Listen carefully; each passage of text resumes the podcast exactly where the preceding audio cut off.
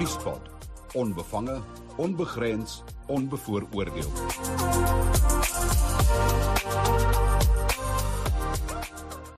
Goeiedag, baie welkom by Nuuspot en ek het by my in die Nuuspot ateljee vandag vir Barry Buitman. Hy is die woordvoerder van uh, AfriForum se private vervolgingseenheid. Hy werk daar saam met uh, Gerry Nel. Uh, Barry, baie welkom by Nuuspot. Baie dankie Isak. Ehm um, ek gesels met jou vanoggend na aanleiding van ons onderhoud wat ons gister met uh, Nicoline Swart gehad het. Ehm um, 'n onderhoud wat ongelooflik baie aandag trek, baie ehm um, kykke kry uh en en en baie reaksie veral ehm um, uh, maar maar maar nie net van uh, nie net die onderhoud self die hele saak uh, as 'n mens gaan kyk na mense op sosiale media die die reaksie op hierdie verskriklike ding wat wat wat die wêreld vol loop hierdie video van 'n man wat soos 'n bokser staan um, en en 'n vrou slaan dit dit mense mense mense is te bang om dit eers in woorde te sê Barry hmm.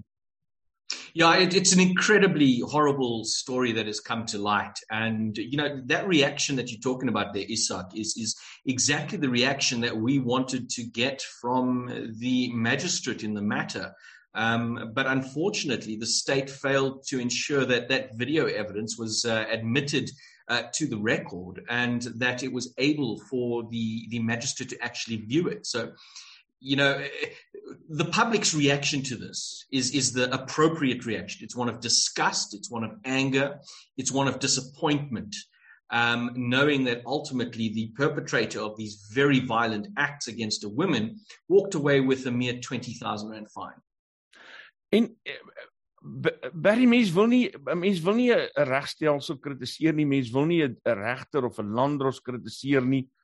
Maar maar, maar hier's gefouteer, is dit nie? Iemand iemand het 'n fout hier gemaak. Absolutely. And we believe that this lies with the prosecutor in the particular matter. So, on the morning that the matter was supposed to proceed, it was set down for trial. Um, the prosecutor didn't even greet Nicoleen. I mean, this is the woman for whom, uh, whose rights he was seemingly fighting for in this particular court to hold somebody accountable. He didn't even greet her. Um, when it came to the sentencing argument, it was, of course, mitigation of sentence first. The defense counsel got up and he made submissions to the effect that uh, his client shows remorse. Um, further, that uh, his client is undergoing psychological treatment for his anger issues. But no evidence to this effect was presented to the court. Um, and this wasn't challenged by the prosecutor. So the court accepted, without a single report from a psychologist, from any expert, that this accused is going for counseling. That's the one aspect. The other is when it came to the admission of the video evidence, the state got up and said they'd like to bring this application. The defense simply said, We object. We question the authenticity of the record, or these videos rather, uh, how they were collected and handled and so on, and how they ended up to this point. Um, the state the prosecutor effectively simply rolled over and said, well, you know, we're not going to, to present any evidence to prove the authenticity and we'll accept whatever ruling the court makes. And that's exactly what the magistrate did. He said, until such time that the, uh, or until the state presents anything to prove the authenticity, they, uh, he's not going to admit it to the record. The state then simply moved on to presenting a, a medical report and arguing from the bar why the assault was so bad and that the accused should receive a just punishment. But that's effectively was it, it it wasn't a very strong case from the state side. Daar is daar 'n manier hoe 'n mens nou hierdie ding kan verder vat. So mense sou mense kan appeleer hierteen, sou mense beswaar kan maak teen die vervolgingsgesag se manier van hantering van hierdie ding. Um, unfortunately, as we understand it, um, and this is the advice I've taken from Advocate Nel, is that this matter can't be appealed. There are very limited, there's very limited scope for the state to appeal in any matter. And it comes down to whether or not there was an error in law. Now, in this particular case, there, there was no error in law. This was simply a poor case presented by the state in aggravation of sentence. So there are, in fact, no grounds for the state to further appeal this. Now, if Nicolene or any, we haven't taken instruction, but if anybody wants to file a complaint against the, the prosecutor, there certainly are those avenues to take, but we have not uh, received any um, instructions in that regard. ek verstaan daar is ehm um, uh, uh, daar is 'n spoor van ander klagtes teen uh aanklagte teen uh Jaco Swart en en en dit kan dalk uh, die saak op 'n ander manier uh manipuleer en en en op 'n ander roete stoot. That's quite right. So over the weekend, um, uh, Sunday newspapers uh, did some digging into to Jaco Swart, and they managed to establish that even just days before he was to go and plead guilty for this assault, um, he had in, been involved in two separate incidents in Cape Town where cases were of assault were opened up against him. Um, I'm not too sure of the status of those at this stage, but that's what happened. Um, what the sentence means for Jaco Swart is assuming he does get arrested on another charge, for purposes of bail, he'd have to declare his uh, prior convictions. So you'd have to state that would make his bail application a little bit more difficult.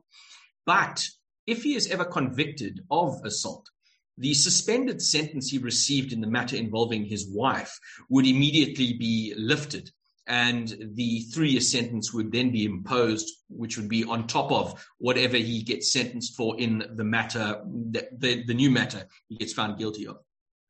Kan julle ehm uh, van uh, die private vervolgingseenheid se kant af ehm um, hierdie saak verder voer ehm um, op op hierdie roete? No, no, we haven't taken any further instructions uh, from Nicoleen in this regard. Um, of course, you know, if anybody requires the, the support of AfriForum's private prosecution unit, they should, of course, send us an email, ons vervolg at afriforum.co.za, and we'll consider all those matters. Uh, in this particular matter, we had a watching brief. The state had the matter was struck off the roll or was withdrawn. Um, and we got involved, made representations to the director of public prosecution, and it was re enrolled. And we had a watching brief on behalf of Nicoleen Swart.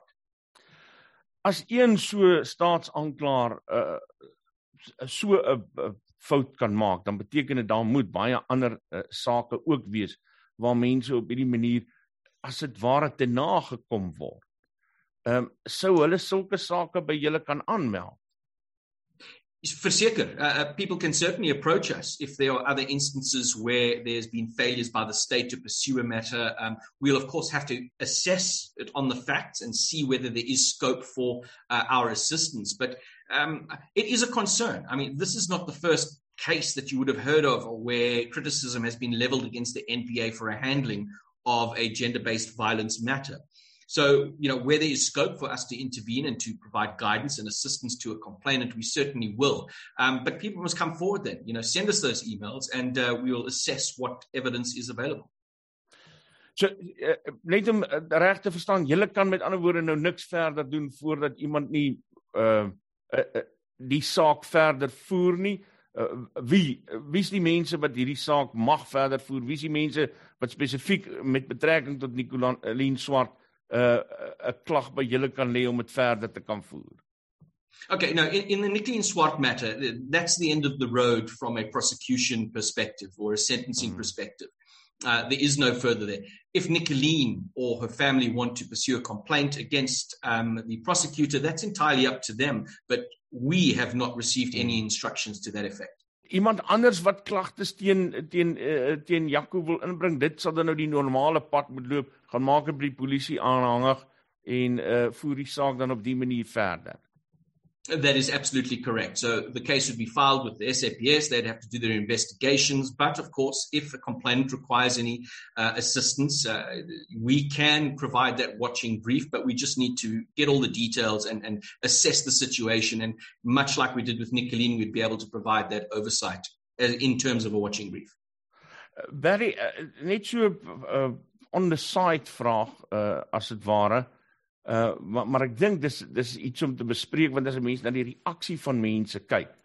Ehm um, uh, Jaco se adresbesonderhede wat uh, rondgestuur word op uh, sosiale media, mense wat dreig om hom uh, te gaan vasvat. Ek ek weet uh, mense is kwaad en en hulle wil dit graag doen. Maar maar dit sou nie baie slim ding wees om te doen nie. Well, absolutely not. Even just distributing somebody's personal details on social media uh, with what is very clear an incitement to to commit violence against the man. That's plainly unlawful, and it's not something we stand for. Uh, the very purpose of this unit is to stand up for the law or stand up and ensure that the criminal justice system functions correctly. Taking your law into your own hands is not only illegal, but it undermines the very functioning of the legal system in the country. So, um, we, of course, stand against that. We advise people not to do that.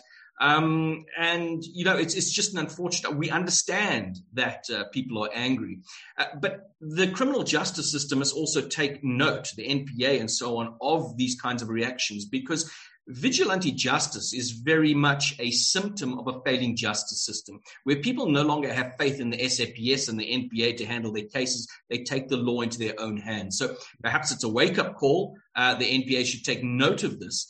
Um, but it, it's it's a long-standing thing. We, we just saw recently people who were lynched down in Cape Town. There was allegation that they'd kidnapped a young girl. Uh, it was unfounded, but the community was angry. So again, and I'll repeat it: vigilante justice is a symptom of a failing criminal justice system. Kom ons gesels bietjie daaroor as as jy vir my nog 'n oomblik kan gun, uh, juis oor daardie aspek want ons hoor al hoe meer uh, van kritiek teen die regstelsel, al hoe meer mense wat sê die regstelsel uh, is ook maar besig om in te konk soos die res van Suid-Afrika. Hoe dink julle aan aan aan daai kant oor die saak? Uh you referring to the SWAT matter or uh, on this uh, in general um the, in general. Well, this unit would not have been created if the criminal justice system functions as it should. So I mean that that's the first indicator. I mean the AfriForum Private Prosecution Unit was to ensure that everyone is equal before the law, that there's no selective prosecution. Um, and, and, you know, we've taken on various roles in terms of oversight to ensure that the state does its job. So I think that criticism is valid. Um, it's, it's the type of uh, thing that we try to address through our work. Um, so, of course, the, the, the, criticism that has been leveled at the courts uh, or at the NPA rather than the SAPS for their quite often shoddy work, I think, is, is very valid. Harry Bateman, uh, woordvoerder van AfriForum se private vervolgingseenheid. Baie baie dankie dat jy vir ons tyd gemaak het. Very all the best for you. Baie dankie Isak. Keep well. Nuuspot. Onbevange, onbegrens, onbevooroordeel.